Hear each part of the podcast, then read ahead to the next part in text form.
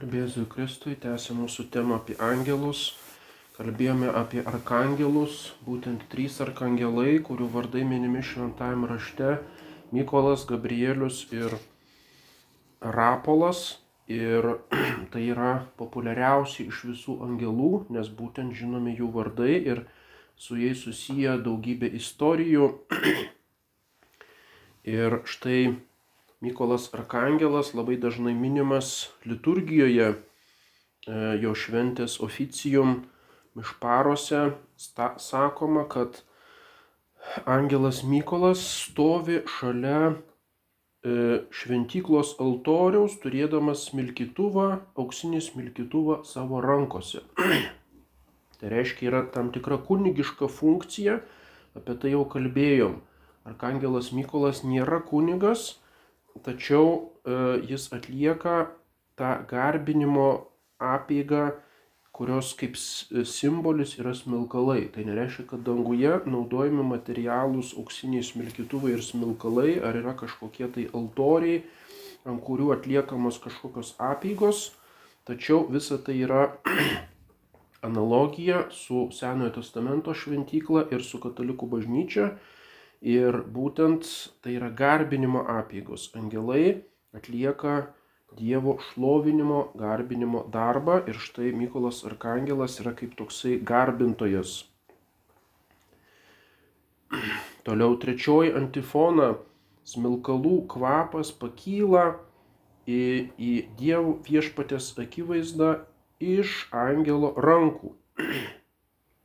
Visą tai mums primena, apreiškimo knygą 8 skyrių, kai avinėlis nuplėšė septintąjį anspaudą, danguje pusvalandžiai pasidarė tylu. Aš išvydau septynis angelus stovinčius Dievo akivaizdoje, jiems buvo įteikti septyni trimitai. Atėjo dar vienas angelas ir tai jau yra arkangelas Mykolas. Ir atsistojo prie aukoro laikydamas aukso smilkytuvą, jam buvo duota daug smilkalų, kad jis aukotų juos su visų šventųjų maldomis ant auksinio aukuro priešai sostą ir pakilo smilkalų dūmai su šventųjų maldomis ir iš angelo rankų į Dievo akivaizdą. Paskui angelas paėmė smilkytuvą, pripildė į aukuro žaryjų ir sviedė į žemę. Ir sugriaudė griausmai, pakilo šauksmai, subliksėjo žaibai, sudrebėjo žemė, septyni angelai turintys septynis trimitus pasirengė trimituoti. Tas, tas pats smilkytuvas yra Dievo garbinimo įrankis ir kartu žemės apokaliptinio žemės nubaudimo įrankis. Toliau Mišparose Mykolo šventės antroji antifona.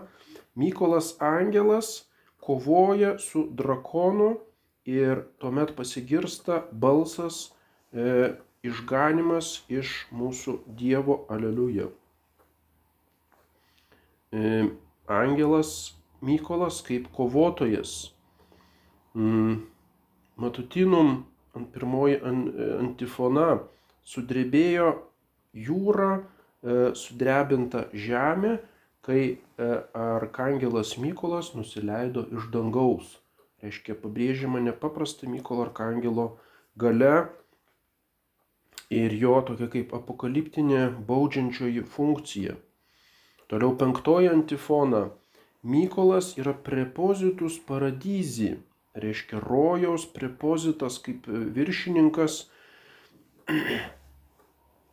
kurį garbina, kurį gerbė e, angelorum čyvės, reiškia angelai kaip piliečiai, galima sakyti, to dangiškosios Jeruzalės piliečiai. Toliau septintojant antifona.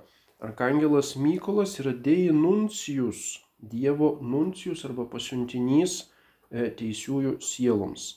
Taigi liturgija naudoja įvairiausius titulus arkangelui Mykolui, kurių m, tik tai iš dalies jie atsispindi šventajame rašte. Reiškia, tradicija liturginė yra daug turtingesnė, galima sakyti, už biblinę.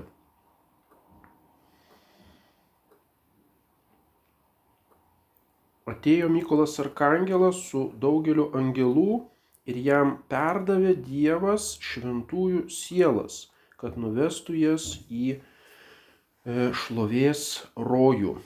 Reiškia, arkangelas kaip vedantis sielas į e, dangišką šlovę. Toliau laudės himnas yra Angelus pačiais Michael, taikos angelas Mykolas į mūsų namus iš dangaus te ateina, kad giedros taikos davėjas padėtų ašaras spaudžiančius karus į požemį, nutremtų tuos karus, kurie išspaudžia ašaras į požemį, in orkum.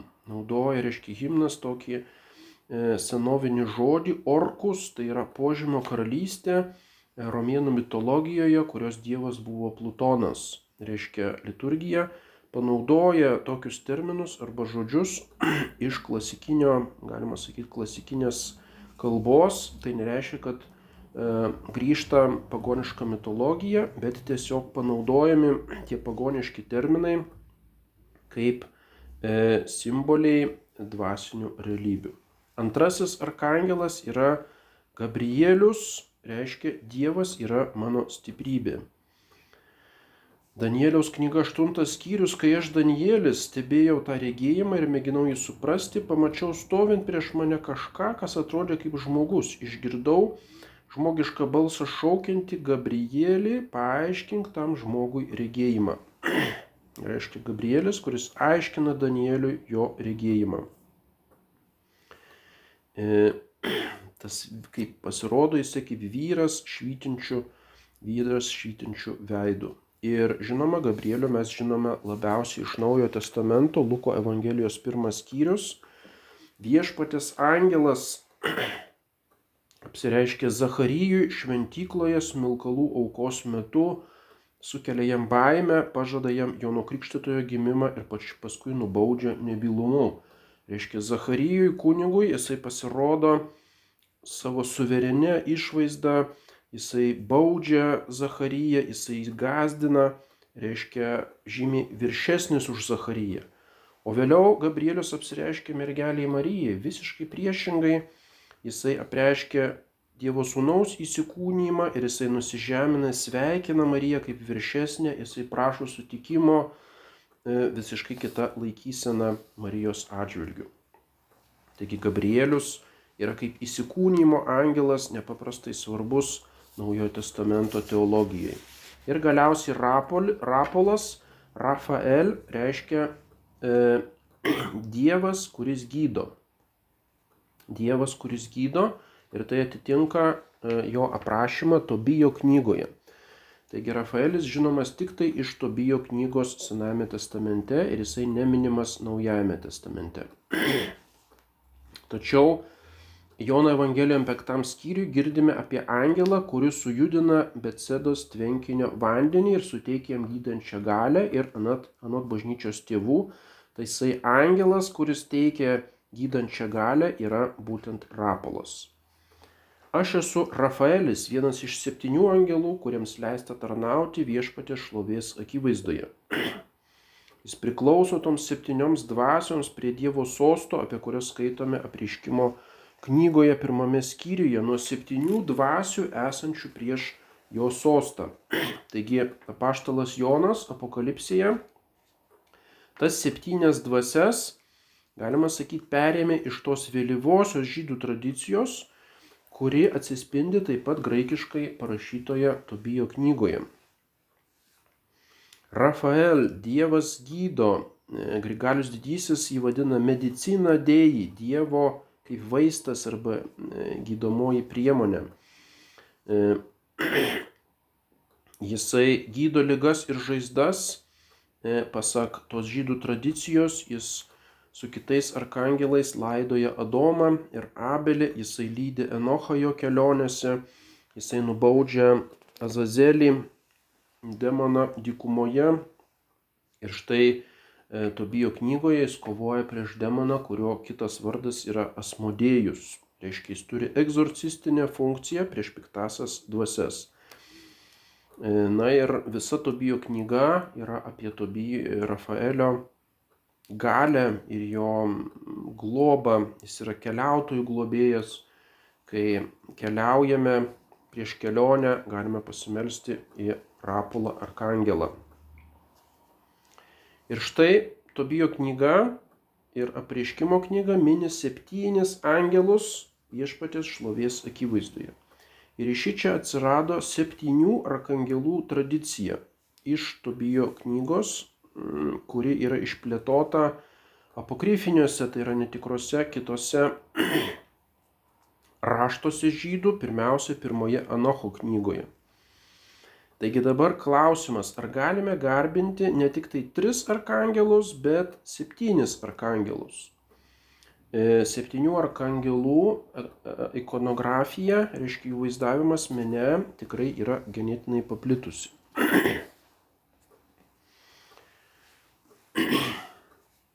Ir štai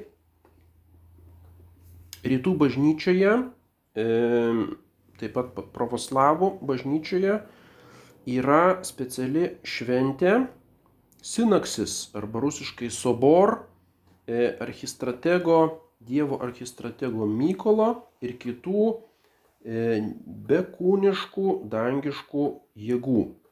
Собор святого архистратига Божия Михаила и прочих небесных сил бесплодных. Tokia, toks ilgas pavadinimas. Ta šventė yra lapkričio 8 diena. Ji yra rytų, rytų liturgijoje tiek pas rytų e, apieigų katalikus, tiek pas schizmatikus stačiatikius ir atitinkamai rytų ikonografijoje vaizduojami tie angelai. Kas tas yra tas sobor arba graikiškai sinaksis, reiškia kaip susibūrimas arba kaip tam tikra grupė. Ir čia nesakoma septyni angelai, bet sakoma archistrategas, reiškia karo vadas Mykolas ir likusios nekūniškos dangiškos galios. E, reiškia, angelai apibūdinami kaip galios, kurios yra danguje ir kurios yra nekūniškos. Reiškia, nekalbama apie jų skaičių ir nesakoma, e, kad tai būtent yra arkangelai, kaip ir tasai Mykolas. Ir štai šita šventė buvo įsteigta ketvirtame amžiuje, 364 metais, Laudikėjos susirinkime Mažojoje Azijoje.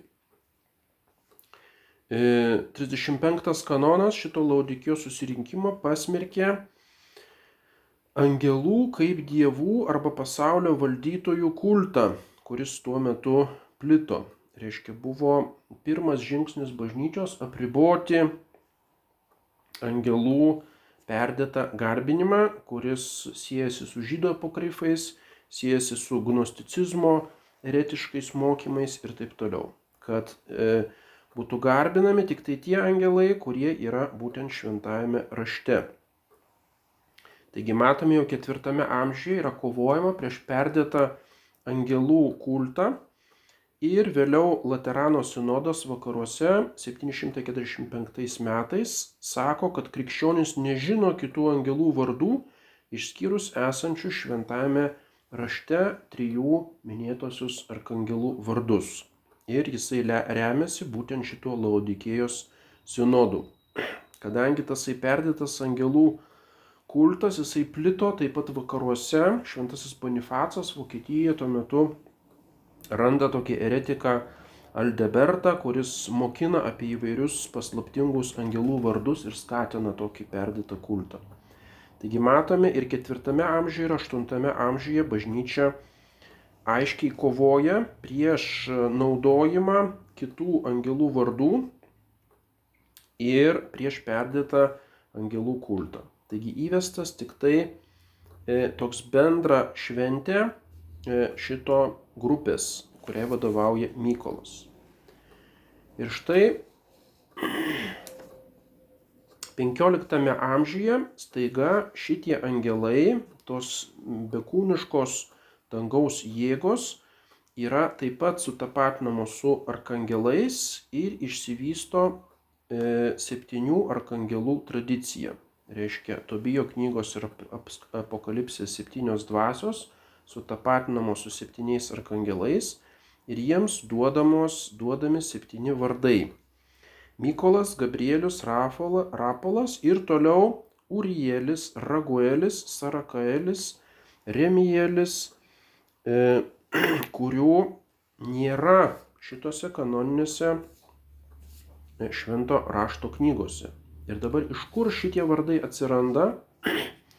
Būtent jie atsiranda 15 amžiui ir jie įeina 17 amžiui į pravoslavų bažnyčioje, į ikonografiją, šventųjų aprašymus, čia timinėjai yra tokios žymios šventųjų biografijų tokios savadai.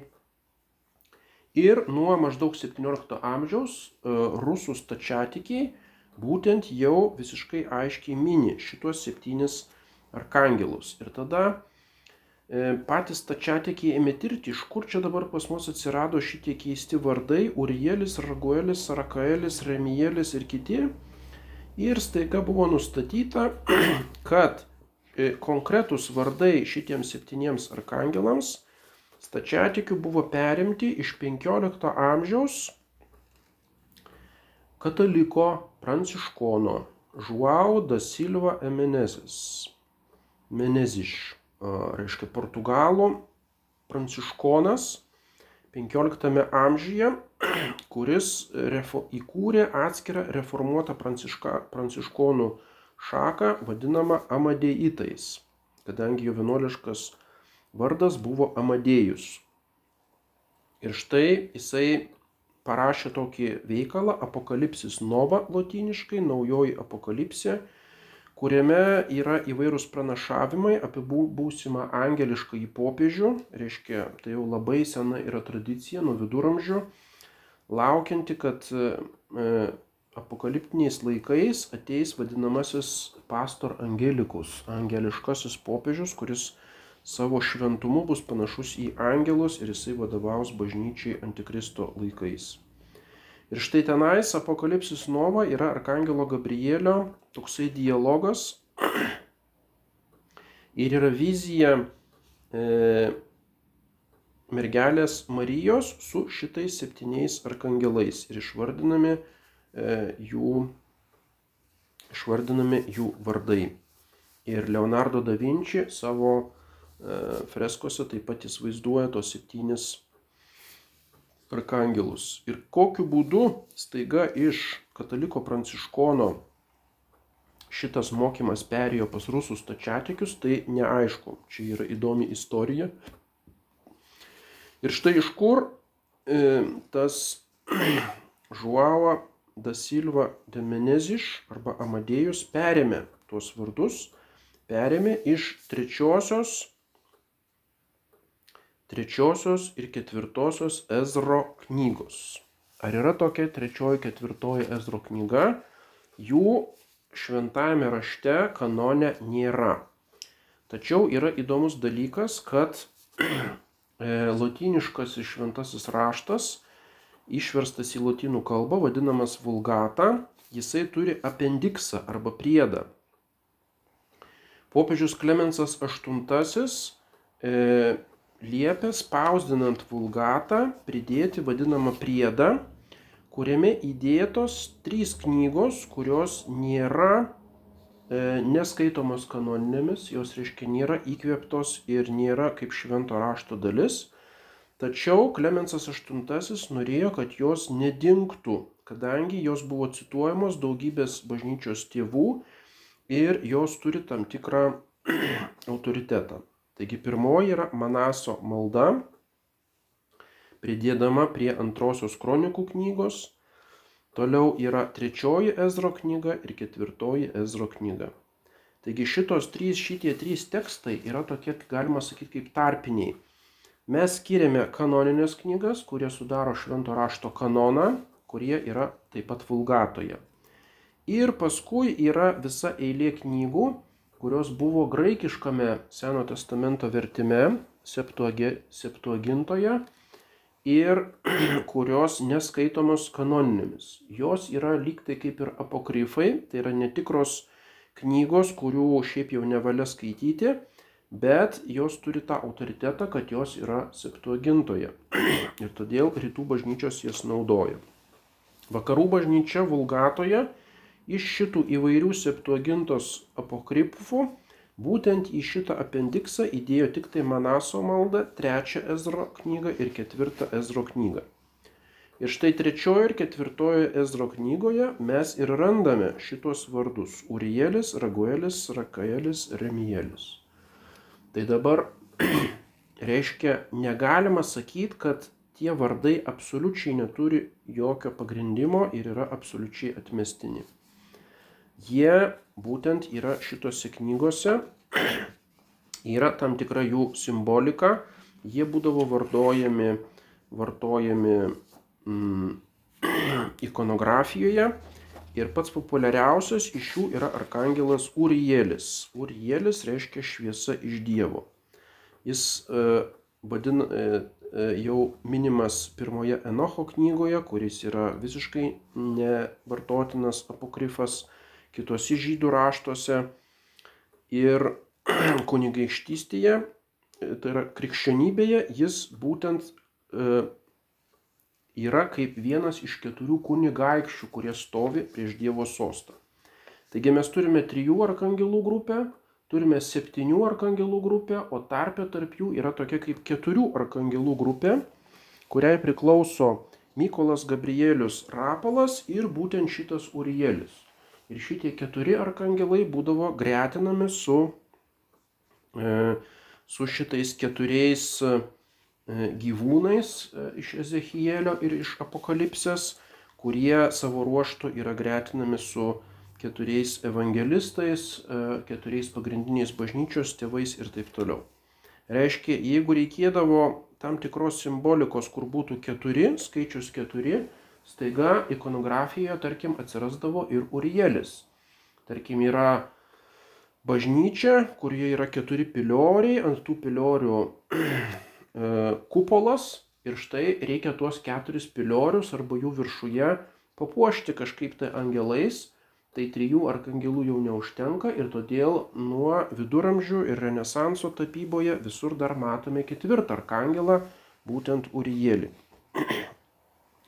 Tačiau būtent, kaip minėjome, Urielio vardas nėra bažnyčios patvirtintas ir Laterano sinodas 8 e, amžiuje apskritai sako, kad negalima garbinti angelų kitais vardais, išskyrus šventajame rašte tris arkangelus. Taigi matome visą šitą istoriją šiek tiek sukomplikuota bažnytinės tradicijos, kurie ne visiškai atitinka šventai raštą.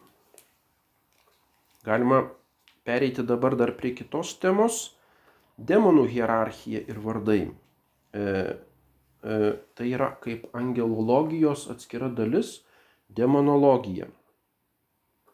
Mes kalbėjome apie trečdalio angelų puolimą ir šventasis Tomas Akvinėtis rašo, puolę angelai turi taip pat savo hierarchiją.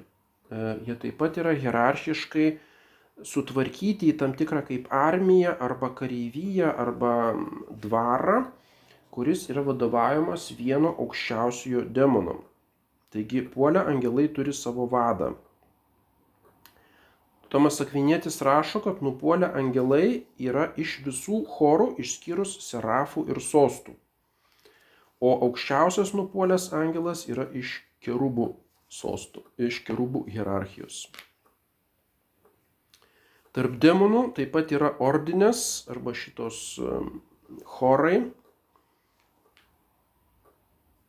Mm, išlaiko, demonai išlaiko tuos ordinės, kuriuose buvo sutvirti.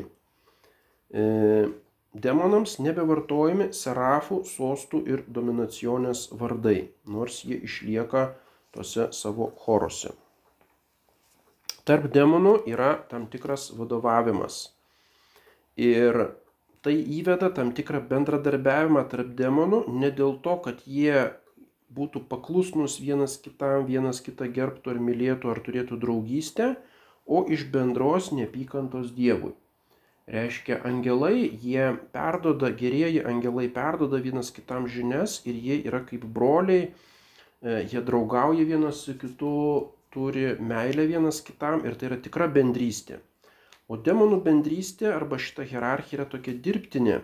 Jie nekenčia taip pat vienas kito, jie nenori vienas kito klausyti ir vienas kitam paklusti, tačiau iš tos didelės nepykantos Dievui e, reiškia vis tiek koordinuoja taip, tam tikrų būdų savo veiksmus.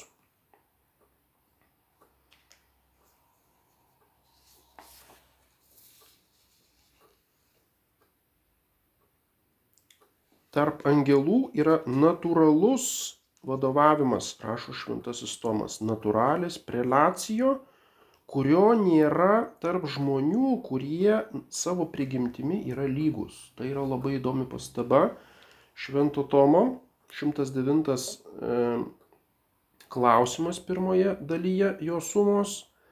Reiškia, visi žmonės, žmonės individai priklauso vienai rūšiai ir todėl iš esmės yra lygus ir tik tai akcidentiškai atsitiktinai yra, atsiranda įvairūs netobulumo E, tobulumo arba valdžios neligumai ir skirtingumai. Ir iš prigimties visi žmonės iš esmės yra lygus. Tačiau pas angelus yra kitaip, yra natūralis prelacijo, reiškia angelai nesudaro vienos rūšies, bet kiekvienas angelas yra atskira rūšis ir jie sudaro šitą hierarchiją ir šita hierarchija taip pat išlieka pas demonus. Tai yra įdomus pastebėjimas, kurį galima išnaudoti kaip tokį argumentą prieš rasizmą arba kaip Indijoje griežtą kastų sistemą arba prieš e, Aristotelio vergų iš prigimties sampratą, kad kai kurie žmonės yra e, žemesnės rasės arba yra iš prigimties vergai. Nieko panašaus. Visi žmonės iš esmės yra lygus. Tik tai dėl tam tikro atsitiktinio netobulumo arba dėl valdžios atsiranda hierarchija tarp žmonių. Tarp angelų Šita hierarchija yra natūrali ir todėl iš prigimties vieni angelai pavaldus kitiems ir e, nupuolė angelų iš aukštesnių chorų ir iš žemesnių ir todėl šita hierarchija taip pat išlieka tarp demonų. Toliau Tomas rašo, kad demonai negauna apšvietimo ir ne, neperduda vienas kitam jie gali gauti žinių tik tai per kalbėjimąsi tarpusavyje. Mes kalbėjome apie lokucijo angelorum, angelų tarpusavio kalbėjimąsi. Tai nėra apšvietimas, bet tai yra būtent e, žemesnio rango žinių perdavimas vienas, e, vienas kitam. Iškart po sutvėrimo angelai gavo prigimtinių dalykų pažinimą ir tapę demonais jie vis tiek šitą atsimena ir tam nebereikia atskiro apšvietimo. Antgamtinių dalykų įlieto žinojimo jie negavo, kadangi nupuolė ir negavo antgamtinio apšvietimo taip kaip gerieji angelai. Ir tie dalykai jiems lieka paslaptis, kuriuos, e, kurią jie tik tai bando įspėti iš tam tikrų natūralių įvykių ar ženklų. Toliau Tomas rašo, kad gerieji angelai turi tam tikrą vadovavimą blogiesiems. E, Grigalius didysis e, rašo, kad visus demonus suvaldo arba tokia kaip vyriausia egzorcistinė suvaldymo funkcija turi potestatės, reiškia valdžių choras. Gerieji angelai perdoda demonams įsakymus nubausti nusidėlius arba išbandyti teisiuosius. Gerieji angelai sulaiko demonų puolimus prie žmonės, bet Dievui leidus kartais šitą ir leidžia. Tai nėra gerųjų angelų aplaidumas, bet būtent Dievo apvaizdos numatytas, e, numatytas leidimas. Prigimtimi žemesnio choro gerieji angelai turi prelacijo arba vadovavimą aukštesniųjų chorų demonams. Tai yra tam tikros išvados Švento Tomo iš bendros jo teorijos, bendros tos sistemos apie angelus. Taigi pirmiausia, puolusių angelų vadas, kuris turi įvairiausius vardus. Apokalipsės knyga 12 skyrius. Tai buvo išmestas didysis Libinas, senoji gyvatė, vadinamas velniu, diabolos ir šetonų, kuris suvedžiodavo visą pasaulį. Jis buvo išmestas žemėn ir kartu su juo buvo išmesti jo angelai. Išmestas mūsų brolių kaltintojas, kaltintojas tai yra Satan hebrajiškai, skundės juos mūsų Dievui dieną ir naktį. Galima sakyti, toje vienoje vietoje yra ištisa kolekcija šito vyriausiojo išpuolusių angelų. Didysis Libinas įvairūs titulai. Didysis Libinas senoji gyvatė, velnės, šetonas ir taip toliau. E, tas puolusių angelų vadas priklausė kerubų chorui. Būtent tai pabrėžia Tomas Akvinietis, Ezechielio knyga 28 skyrius Tu buvai tobulumo anspaudas kupinas išminties ir tobulo grožiaus. Sukūriau tave kaip keruba, gyvenai ant Dievo šventojo kalno, tu buvai bedėmė savo keliuose nuo pat savo sukūrimo dienos, lik buvo atrasta tavo kalties. Kaltė. Toliau kitoje vietoje, Zechielio 31, šitas puolusių angelų vadas yra lyginamas su medžiu rojuje. Joks medis Dievo sostė nebuvo toks gražus kaip jis. Gražų, e, gražių plačiom šakom, gražų plačiom šakom aš jį padariau, pavydėjo jam visi Dievo sostė augantieji Edeno medžiai. Reiškia, jis turėjo nepaprastą grožį, jis buvo kaip šviesos angelas, buvo kaip gražiausias medis tame rojaus sode, gyveno ant Dievo šventojo kalno ir štai nupuolė, buvo atrasta jo kaltė, jis buvo išmestas iš dangaus. Pirmasis puolusių angelų vado vardas yra žaltys, nahaš hebrajiškai, arba senoji gyvatė, kaip vadinama. Senoji, kadangi būtent pačioje pradžioje jinai gundė Dievą. Lietuvos lietuviškose vertimuose švento rašto visur verčiama žaltys, o ne gyvatė. Nors e, hebrajiškai nahaš yra nuodinga gelinti gyvatė, o mes žinome, žaltys tai yra toksai roplys, kuris negelia ir jį galima rankomis paimti ir jis negali įkasti. Bet kodėl tada verčiama ne gyvatė, bet žaltys vien tik tai dėl to, kad šitame kontekste šitas žodis turi būti vyriškos giminės. Vien dėl to lietuviškoje visoje tradicijoje mes kalbame apie rojaus žaltį arba žaltį sugundė Jėvą ir taip toliau. O iš tikrųjų Nahaš yra nuodinga gelinti gyvatė, kuri kerta į kulną e, e, Jėvos palikonims. Kaip jau minėjome, nieko bendro neturi su Mozės iškelta Saraf, ugninė gyvate dykumoje.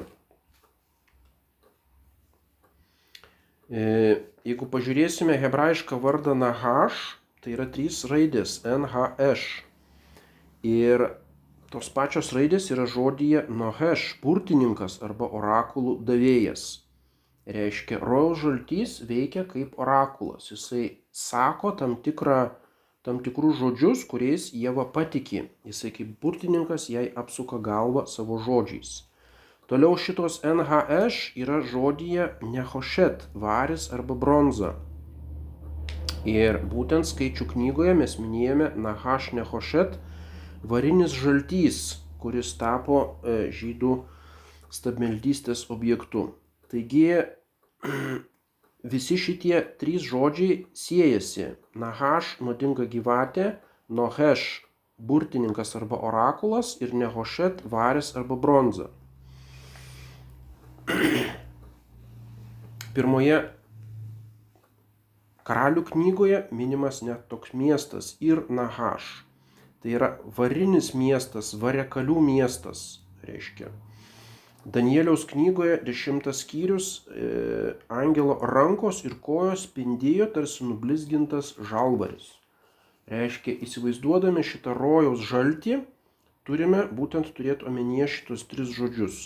Tas žaltys yra nahaš, tai yra gelianti gyvatė, jis yra kaip burtininkas arba orakulų davėjas ir jisai blizga kaip varis arba kaip bronza, reiškia švytintis apgaunantis tokia gudri, nuodinga gyvatė, perdodanti demoniškas žinias.